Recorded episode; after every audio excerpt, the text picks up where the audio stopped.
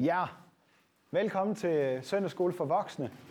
Til øh, et forårsforløb her over fire gange, hvor vi skal igennem de 10 bud.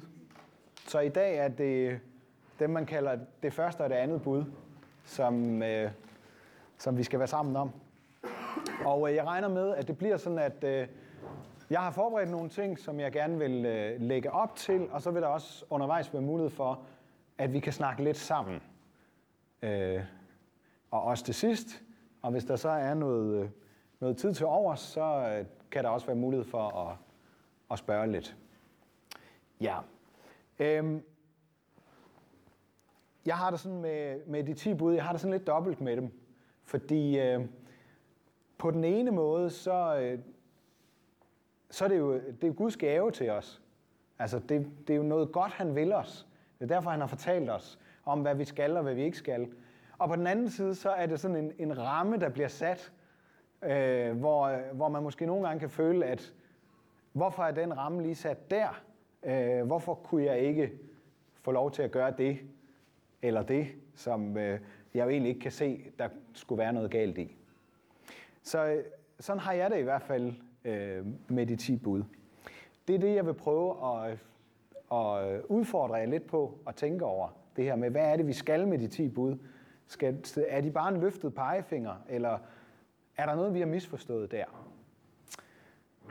Ja, og øh, inden vi sådan øh, går rigtig ind i det, så har jeg lyst til, at vi skal være sammen om at bede en bøn. Så det vil vi gøre.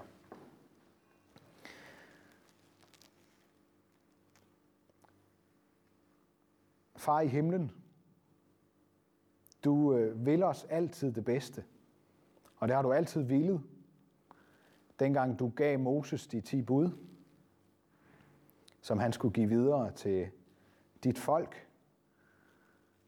Du ville det bedste for os også dengang Jesus kom og udlagde de ti bud og gav dem videre til sine disciple. Og nu beder vi om, at du også vil øh, lade os tage godt imod dine bud og vejledninger med en bevidsthed om, med en tillid til, at du vil os det bedste. Må det blive stort for os, at du ikke er ligeglad med os. Jeg beder om, at du vil komme og være her sammen med os. Send din ånd over os og lad dine ord slå rod i os og vokse og bære frugt, både i vores eget liv og i andres liv. Jeg beder om din velsignelse og dit nærvær over den næste lille times tid. Amen. Jeg har skrevet her på øh, den første slide, Jeg er Herren din Gud, som underoverskrift. Og det er, det er den sætning, som de 10 bud hviler på.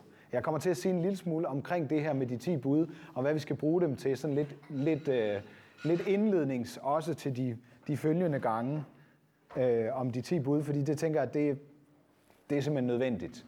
Øh, jeg er Herren din Gud. Det er ikke noget bud. Det er ikke noget krav til os. Det er ikke nogen løftet pegefinger. Det er ikke, øh, det er ikke sådan et eller andet, vi skal, skal leve op til. Fordi Gud er Gud, og vi er mennesker. Så der er simpelthen en helt naturlig afstand der. Og Gud starter med at sige, jeg er Herren din Gud.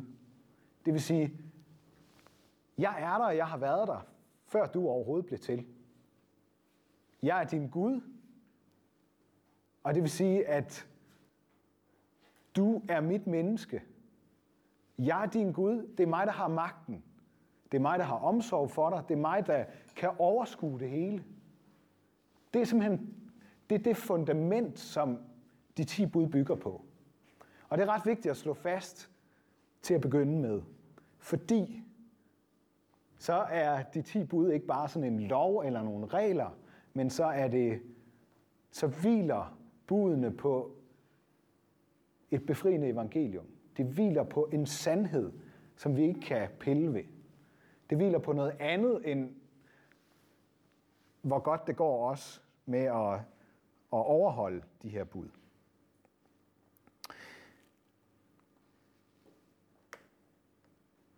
De første bud, det lyder sådan her, og det er hentet fra, fra øh, hvad hedder det, anden Mosebog, kapitel 20. Det er jo på det tidspunkt, hvor Israels folk har gået et pænt stykke tid ude i ørkenen, og så er de kommet til Sinai bjerg, og så er Moses taget afsted fra dem op på bjerget for at være alene med Gud, for at tale med Gud. Det tager nogle dage, og øh, mens han er deroppe, så taler Gud til ham. Og Gud skriver med sin egen finger på nogle stentavler. Han skriver de ti bud, som Moses så får med sig ned til folket og læser op for dem. Og det første, der står på, de her, på, på den første af tavlerne, det er de her ord. Gud talte alle disse ord. Jeg er Herren din Gud, står der, som førte dig ud af Ægypten af trællehuset. Du må ikke have andre guder end mig. Du må ikke lave dig noget gudebillede i form af noget som helst op i himlen eller nede på jorden, eller i vandet under jorden. Du må ikke tilbe dem og dyrke dem, for jeg, Herren din Gud, er en lidenskabelig Gud. Jeg straffer fædres skyld på børn, børnebørn og oldebørn af dem, der hader mig. Men dem, der elsker mig og holder mine befalinger, vil jeg vise godhed i tusind slægtled. Du må ikke bruge Herren din Guds navn til løgn, for Herren vil aldrig lade den ustraffet, der bruger hans navn til løgn.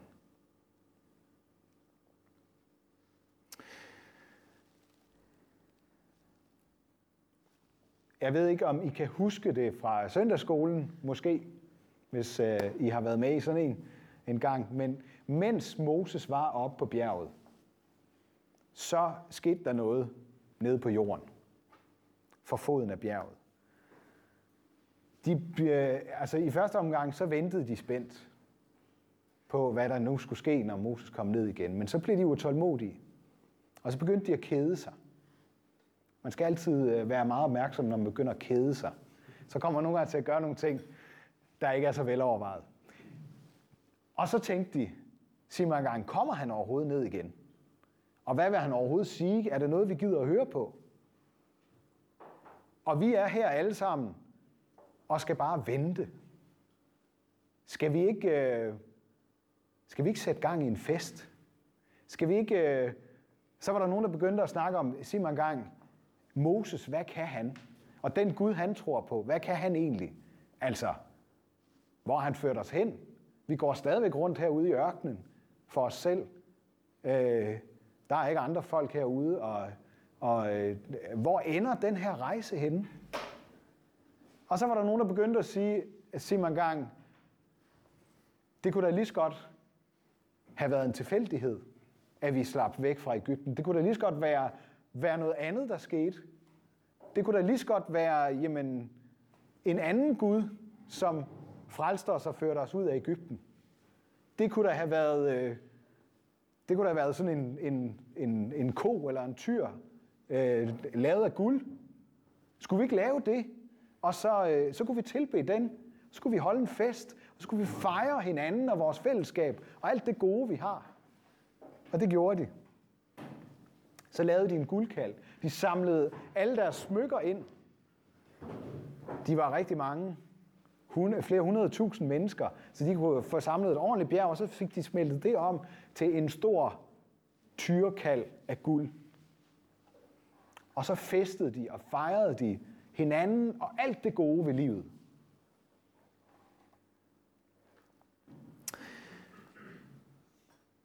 Jeg synes, I skal lægge mærke til her i beskrivelsen, som Moses kommer ned med. Det, der står allerførst, det er ret vigtigt. Jeg er Herren din Gud, som førte dig ud af Ægypten, af trællehuset. Jeg startede med at sige det her med, jeg er Herren din Gud, det er sådan fundamentet. Det bliver så udbygget nu her. Altså, hvad er det for en Gud, vi taler om? Hvad var det for en Gud, de havde glemt der for foden af bjerget? Det var den Gud, der førte folket ud af Ægypten. Ud af fangenskab, ud af trællehuset, ud af alt det, de var bundet af. Det havde han befriet dem fra. Før de havde gjort noget som helst godt for ham. Før de var gået i gang med at prøve at overholde de ti bud, så har Gud befriet dem. På forhånd. På forkant. Uden at de havde gjort sig fortjent til det. Det er jo et helt fantastisk fortegn, vi har for de ti bud, som, øh, som jeg i hvert fald ofte glemmer. For jeg tænker, ah, nu skal jeg også lige tage mig sammen. Eller nu skal jeg gøre det lidt bedre. Og der, der gik det ikke så godt for mig. Det var også fordi, jeg glemte. Det hele det begynder med, at Gud huskede dem, og han befriede dem. Og så satte han dem ind på en vej og gav dem en retning og gav dem nogle rammer for det gode liv.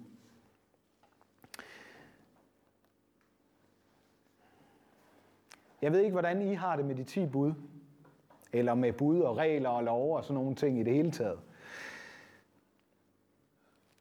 Jeg ved ikke, jeg tænker, øh, jeg tænker nogle gange stilheden.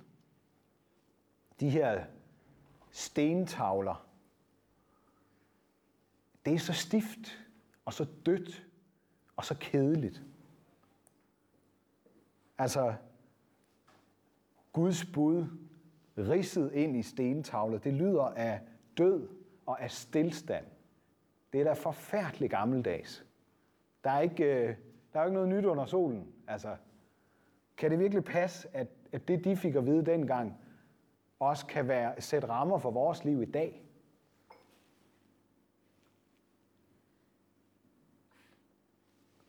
Guldkalden, festen, fællesskabet, alt det gode, det at nyde livet. Altså det er der noget, der ligner liv og lykke. Sådan tror jeg ofte, vi tænker. Det er et maleri, det her af Emil Nolde. Han har malet det i 1910, og det hedder Dansen om guldkalven. Så det, jeg øh, har lyst til at stille som spørgsmål, det er,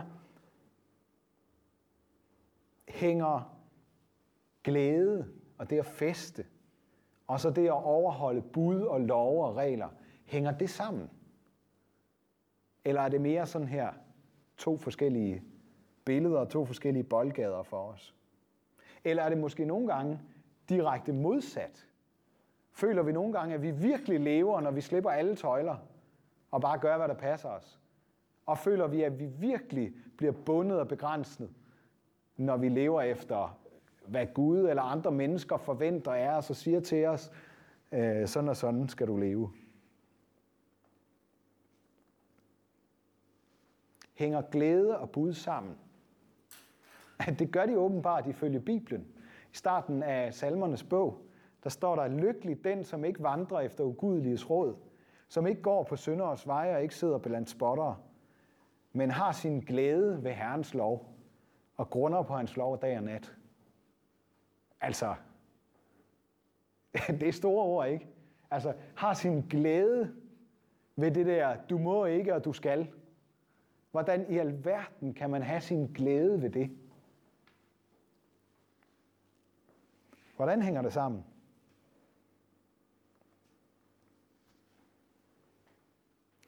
Salmen fortsætter sådan her. Han er som et træ, der er plantet ved bækken. Det bærer frugt til rette tid, og dets blade visner ikke. Alt, hvad han gør, lykkes for ham. Det vil sige, bud og lov og liv og lykke. I det her univers, der hænger det sammen. Det, det er simpelthen, altså, at knokle for at overholde Guds bud og lov, det giver liv og lykke.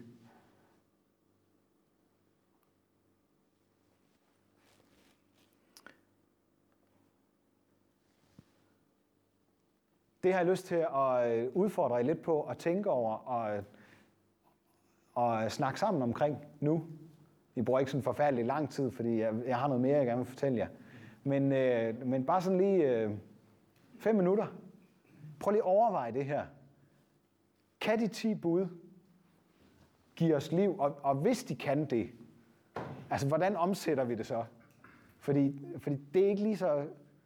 Jamen det ved jeg ikke med jer. Jeg synes ikke, det er så lige til lige at finde ud af. Men, men måske, måske har vi glemt noget vigtigt her. Jeg ved det ikke. Prøv at kaste jer ud i det. Ja. Jeg har lyst til... Øh, ja, vi, vi havde også en snak herover, øh, som jeg lige kunne, øh, kunne være med i. Og, og der synes jeg egentlig, jeg fik et godt perspektiv på det her med, øh, det her med, med fællesskabet, som jeg var lidt inde på. Øh, det, der var problemet med fællesskabet omkring guldkalven, det var jo, at det var et fællesskab, som var baseret på en løgn. Det var ikke den her guldkalv, der havde befriet dem fra Ægypten. Det var ikke guldkalvens skyld, at de havde den frihed, de nød godt af. Det, hele fællesskabet var baseret på en stor løgn. Og øh, de vågnede op med tømmermænd. At, at det er lidt vigtigt at huske. Og, og perspektivet, jeg fik øh, øh heroverfra af, af Martin, det var det her med, jamen, det er jo budene, der er til for fællesskabets skyld. Det er jo netop for, at fællesskabet mellem os mennesker skal fungere godt, at vi har fået nogle vejledninger, nogle bud og nogle retningslinjer for, hvordan det gode liv skal, skal bygges op. Det her med at, altså at bygge sit liv eller øh, sit fællesskab på en løgn, øh, der har jeg lyst til at nævne den her bog af, af, af Tim Keller, Ikke alt, der glimrer af Gud, eller guld. Ah, Gud står der. Men der er en guldkald her. Øh, øh, den, den, øh, den er virkelig meget øh, læsværdig, og den, den øh, fokuserer netop på det her med, hvad kan være vores afgud, hvad kan være vores guldkald. Og det er jo ikke det samme hele livet igennem. Det ændrer sig hele tiden. Så dukker der en, guld, en lille guldkald op, hister her. Så, øh, så hvis I vil arbejde mere med det, det kunne være en god anbefaling her i, øh, i fastetiden. Det er et godt tidspunkt at, at tage fat i sådan noget. Så, så få fat i den her bog. Tim Keller, Ikke alt, der glimrer af Gud.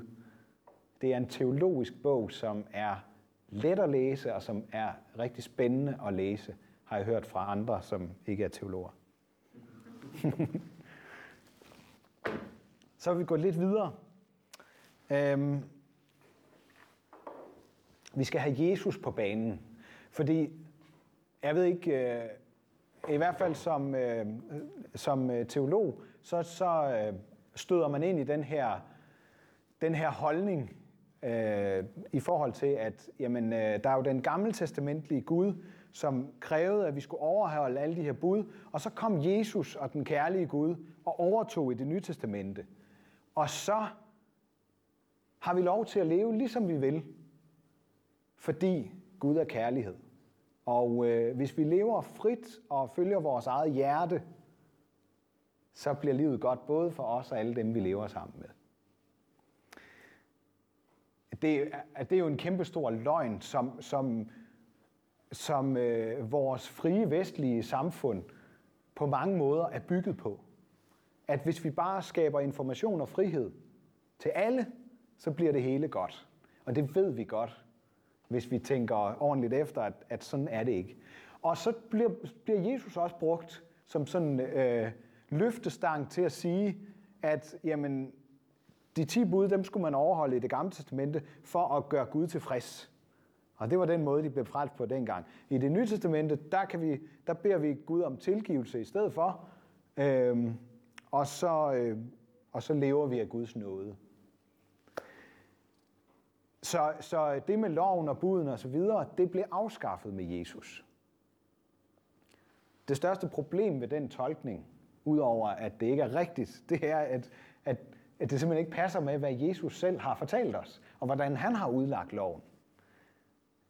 Han har et par, kit, øh, et par kapitler i Matteus evangeliet, hvor, som vi kalder bjergprædikenen. Og det er det afsnittet her er fra. Øhm, hvor vi kan se, at, at at Jesus egentlig er ret tydelig. Senere hen i bjergprædiken udlægger han også, hvad de enkelte bud betyder.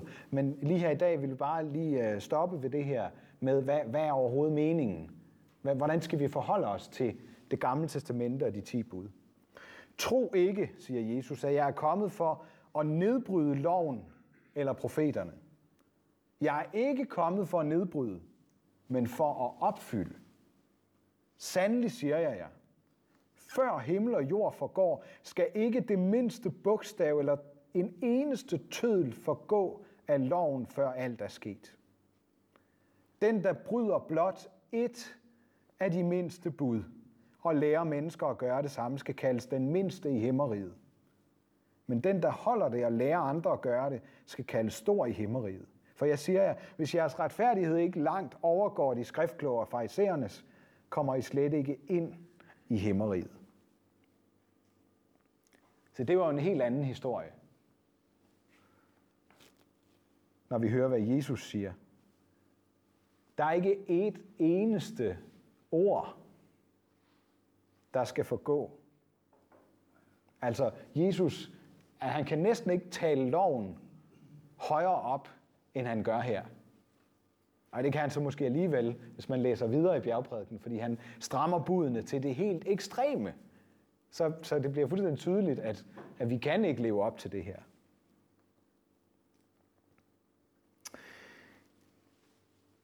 Det har været en diskussion i hele kirkens tid, og er det stadigvæk i dag, hvordan skal vi forholde os til de ti bud? Hvad skal vi bruge det til? Og øh, tolkningerne er jo ikke sådan helt som vinden blæser. Jeg tænker, der er tolkninger, som ligger tættere på, hvad Bibelen, øh, sådan som det er udlagt i Bibelen, end andre. Og jeg vil prøve at, øh, at komme med et, et bud på det her. Det er, det er i øvrigt stærkt inspireret af, af Martin Luther. Buden og loven er til for at sætte rammer for at straffe dem, der ikke gør det gode.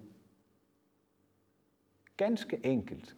Buden er simpelthen til for, øh, i stil med trafikreglerne, at sikre, at der er færrest muligt, der kommer til skade. Til gavn og til glæde Både for dem, der bliver begrænset, og for dem, der slipper for at blive ramt af, af andre. Så det er sådan set et helt basalt formål med de 10 bud.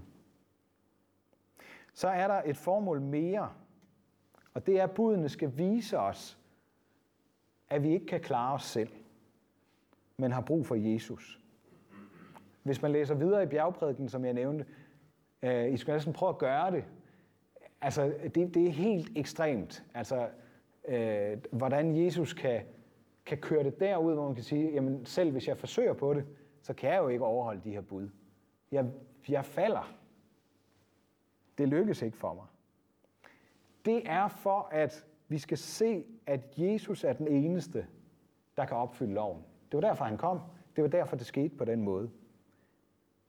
Han kom for at redde os fra evig straf og giver os evigt liv.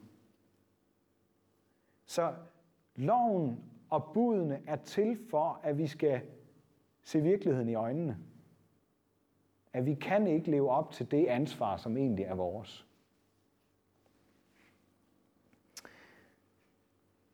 Så er der en tredje øh, brug af budene og loven. Og det er den, der har været meget diskussion om, og som man meget let kan få galt i halsen. Fordi er vi ikke befriet?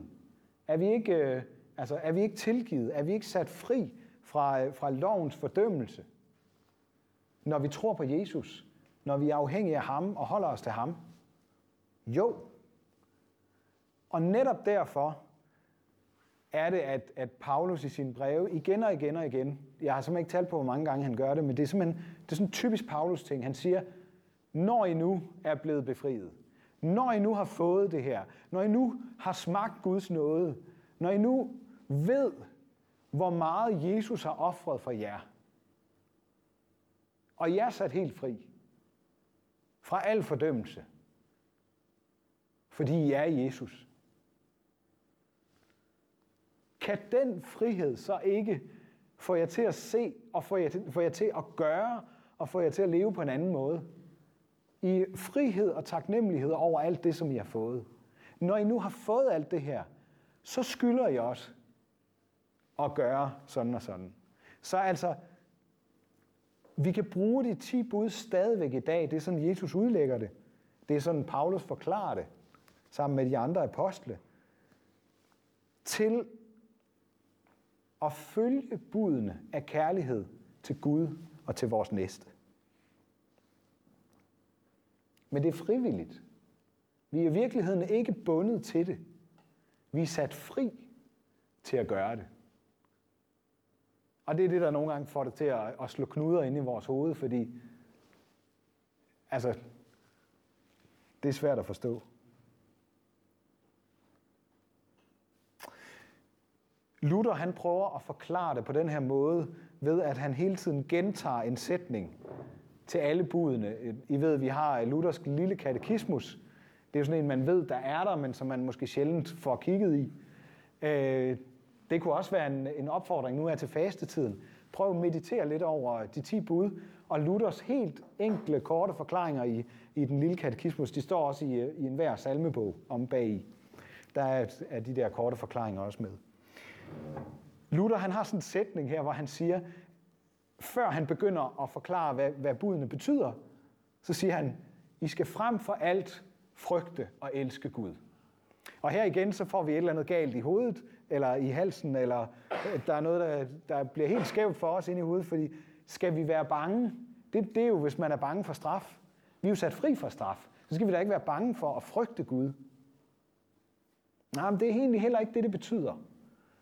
Det at frygte og elske Gud er i virkeligheden lidt to sider af samme sag.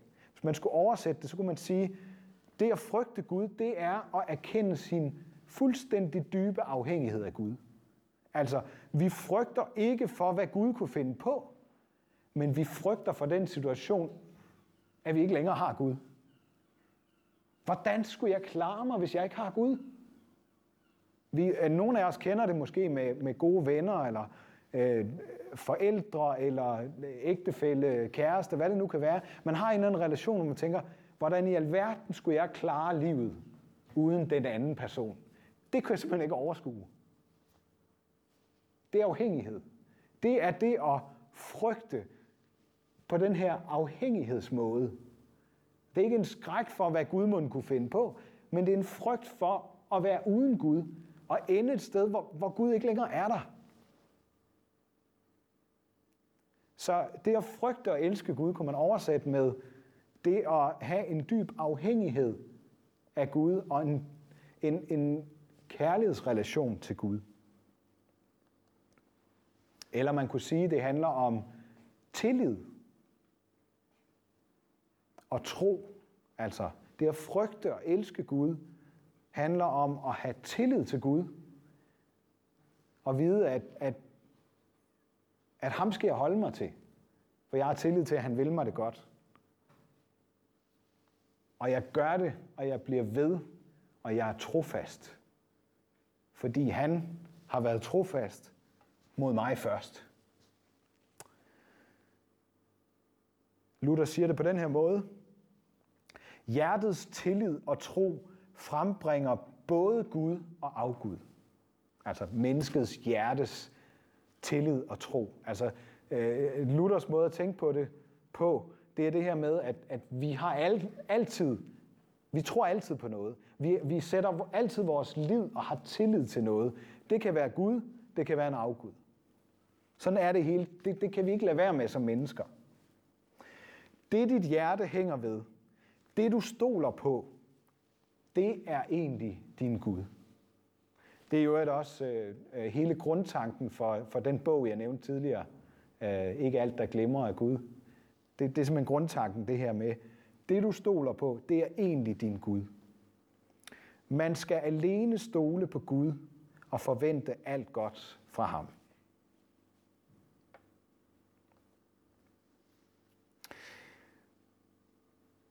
Da jeg sådan øh, skulle forberede undervisningen her øh, til i dag, så, så slog det mig, at øh, i de her de to første bud og indledningen, det der med, jeg er Herren din Gud, som førte dig ud af Ægypten, der er i virkeligheden en sammenhæng, som jeg ikke har lagt mærke til før.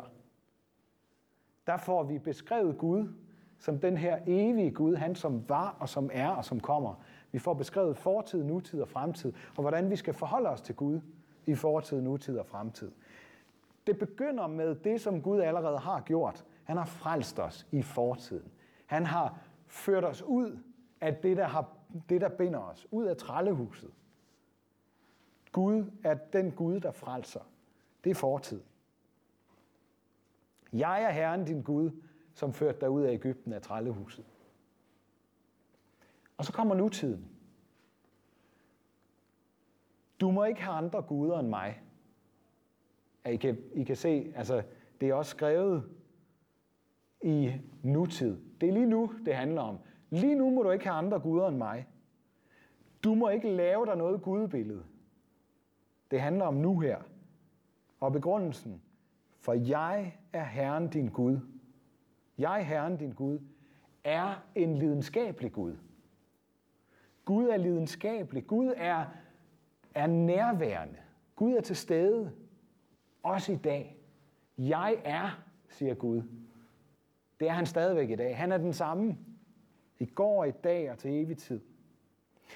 Det, der er så befriende ved det, det er jo, at hvis Gud er nærværende, han vil møde os, han vil være sammen med os, så er han det modsatte af ligeglad med os og med, hvordan vi er og hvordan vi lever. Det er han ikke ligeglad med. Det går han op i. Det bekymrer han sig om. Det har han aktier i. Og så får vi så det andet bud, som vi, som vi kalder det, bud nummer to, som handler om det, vi eventuelt kunne finde på i fremtiden. Du må ikke bruge Herren, din Guds navn, til løgn. Det, der hele tiden ligger, ligger lige for, at vi kunne komme til at gøre det ene og det andet. At vi tænker, at Gud måske er ligeglad med, hvordan vi lever. At vi kalder det, der er synd i Guds øjne for kærlighed. Eller at vi går videre med den løgn, at Gud har lovet at frelse alle, uanset om vi vil frelses eller ej. Uanset hvad vi tror på eller ej, så vil han frelse os alle sammen. Det er gået op for mig, at, at det andet bud handler om mere end, at vi ikke skal bande, eller vi ikke skal misbruge Guds navn. Det, det er meget, meget dybere. Det handler om det her med, at vi skal ikke tage Gud til indtægt for vores egne ønsker, lige meget hvor velmente eller tiltalende de er. Og jeg tror, jeg tror, I kender det. Altså, jeg kender det i hvert fald, det der med, hvis der er noget, jeg virkelig ønsker mig rigtig meget, hvis jeg så på en eller anden måde kunne sætte trumfen på og sige, det er Gud, der ønsker det her for dig. Det er jo fantastisk.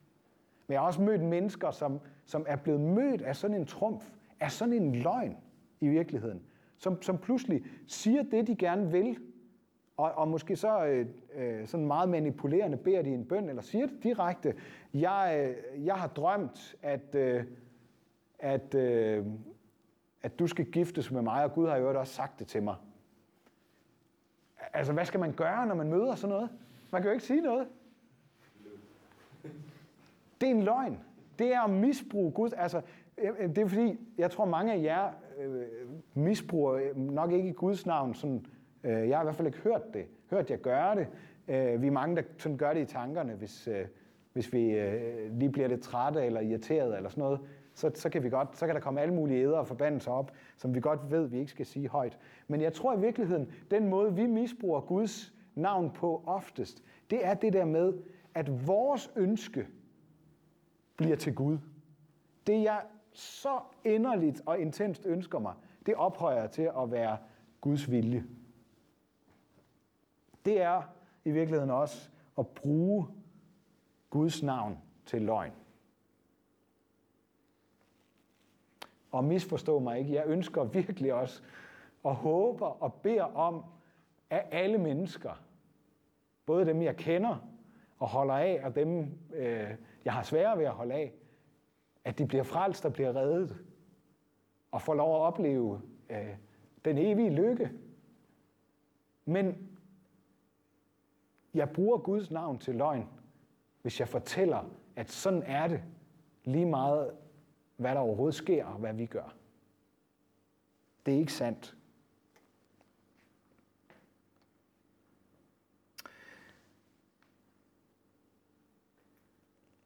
Og vi får faktisk nogle ord på det her. Det hænger sammen med, at Gud er en lidenskabelig Gud. Gud er ikke ligeglad. Gud elsker os. Lidenskabeligt. Og derfor så står der, at han står der, at Gud siger, jeg straffer fædres skyld på børn, børnebørn og oldebørn af dem, der hader mig. Og det gør han, fordi han elsker alle mennesker. Han elsker også dem, det går ud over.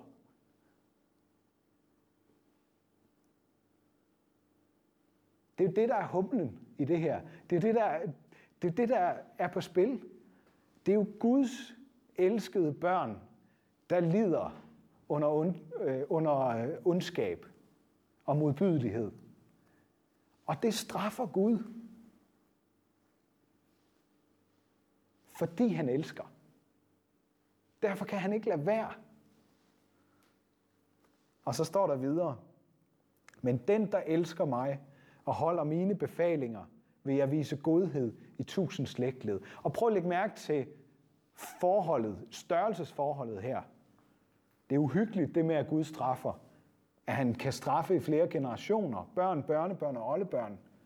Det er sådan en bibelsk tanke, at hvis forældrene spiser sure druer, så får, får børnene stumpe tænder. Det ved vi godt. Socialt belastede familier. Vi kender det. Vi skal gøre alt, hvad vi kan for at hjælpe dem. Fordi det, det, det bliver nedarvet. Dårligdomme og, og, og svære sociale øh, udfordringer bliver nedarvet. Sådan er det. Vi kan se det. Der, der kommer en eller anden, ofte meget urimelig straf til uskyldige børn og børnebørn og oldebørn for den sags skyld. Men prøv at lægge mærke til forholdet i det.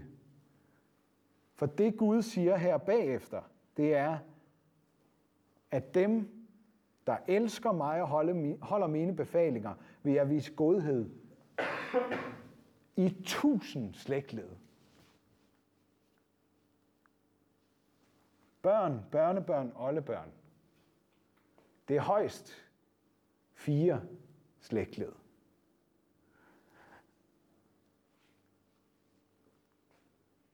Op imod tusind slægtled. I skal lige have et Luther-citat mere, hvor han netop kommer med en replik til præcis de her, de her vers. Han siger sådan her, men er dette truende ord skrækkeligt, så er der det større trøst i løftet om, at de, der holder sig til Gud alene, kan være sikre på, at han vil vise barmhjertighed mod dem i tusind slægtled.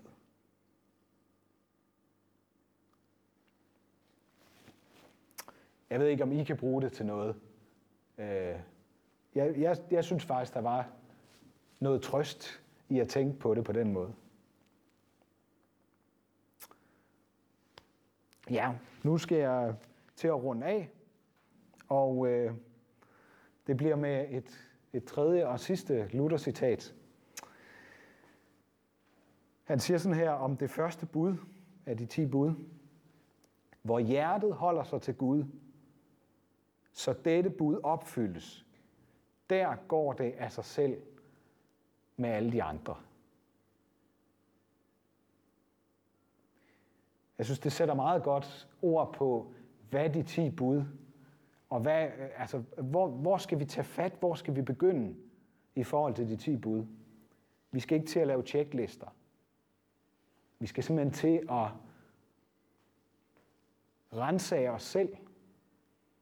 Vi skal kende vores hjerte, og så skal vi finde ud af, hvordan er min relation til Gud? Holder jeg mig til Gud? Eller holder jeg mig mest til alle mulige andre ting? Det er der, det begynder. Et sidste spørgsmål, som jeg havde tænkt, at øh, vi også lige kunne vende med hinanden. Det håber jeg, I vil være med på. Og jeg har stillet det sådan meget bevidst på den her måde, fordi afguder, det er der altid nok af. Og, og de, øh, de viser sig på mange forskellige måder. Og ofte så ser de til synlædende, flotte og interessante, charmerende og besnærende ud for os. Øhm, jeg tager altid øh, øh, rundt og ser, hvad de, øh, hvad de kommer med, sådan hver andet år på Sculpture by the Sea udstillingen her i Aarhus. Det er en god tradition. Øhm, og i 2013, der havde de sådan en, en meget interessant installation, øh, sådan en af de der levende øh, kunstværker, hvor der skete noget. De havde lavet sådan en, øh, en lang bro, som de havde øh, beklædt med øh, pladeguld. Der, jeg tør slet ikke tænke på, hvad det kostede, men øh, sådan en tynd lag guld ud over det hele. Og øh, ej, måske var det bare guldmaling på broen. Men så det levende i det var så, at der, der var en, øh, en ung mand, som så havde fået øh, malet sine fødder og lige lidt op på anklerne. Og det var pladeguld i hvert fald, kan jeg huske. Det, det blev sådan lagt på umiddelbart inden han kom derhen. Og øh, det, der sådan var lidt spektakulært i det, det var, at, øh, at han var helt nøgen. Og så skulle han så løbe med de her guldfødder ud på guldbroen. Altså så så man ham simpelthen løbe ud og springe i vandet. Og øh, jeg har taget et billede med her af ham. Ja, det var sådan lidt tilfældigt, at jeg lige var der på det tidspunkt, hvor det skete. Det var ikke sådan hele tiden, han løb frem og tilbage, men det var, det var sådan en happening. Øh, og nogen, nogen synes, det var meget spændende og kiggede meget interesseret, og andre skyndte sig at gå videre. Det gad de ikke at se på. Øh, jeg har taget sådan et lidt uskyldigt billede med her, hvor, jeg, hvor, hvor han i hvert fald er langt væk og, og vender rigtigt. øh, det er blevet et, et, et eksempel på, et, et stærkt billede for mig på det her med en afgud. Også på øh, vores materielle verden, og det her med, at, at det måske også nogle gange er os selv, der bliver vores afgud. Og der kan det nogle gange være rigtig svært at spotte og finde ud af, hvis man selv er blevet ens egen afgud. Hvis man selv er blevet så optaget af sig selv, at man faktisk ikke selv opdager det. Det er ofte nogle gange nogle andre, der skal sige det til en, at man bliver meget optaget af sig selv. Så øh, det er sådan et, et, et billede på det her med, at, at det med, med en afgud, det kan også godt handle om, om mennesket, eller at vi dyrker menneskekroppen, eller vi, vi dyrker os selv og vores egen historie og selvrealisering. Det kan være, at det er noget helt andet, der er på spil hos jer. Det øh, vil jeg lade være det sidste nu her i undervisning. Og øh, så synes jeg lige, at vi skal øh, vente et øjeblik her, øh, nogle få minutter. Prøv lige at øh, snakke om det her. Hvad er din afgud? Og øh, så er der lige mulighed for øh, en enkelt respons eller spørgsmål eller noget. Og ellers så øh, bliver jeg lige hængende, hvis der, er, hvis der er nogen, der lige har, har brug for at snakke om et eller andet. Og ellers så bliver det sådan lidt afslutningen på det. Så øh, værsgo til en, øh, en lille snak mere opfølgende.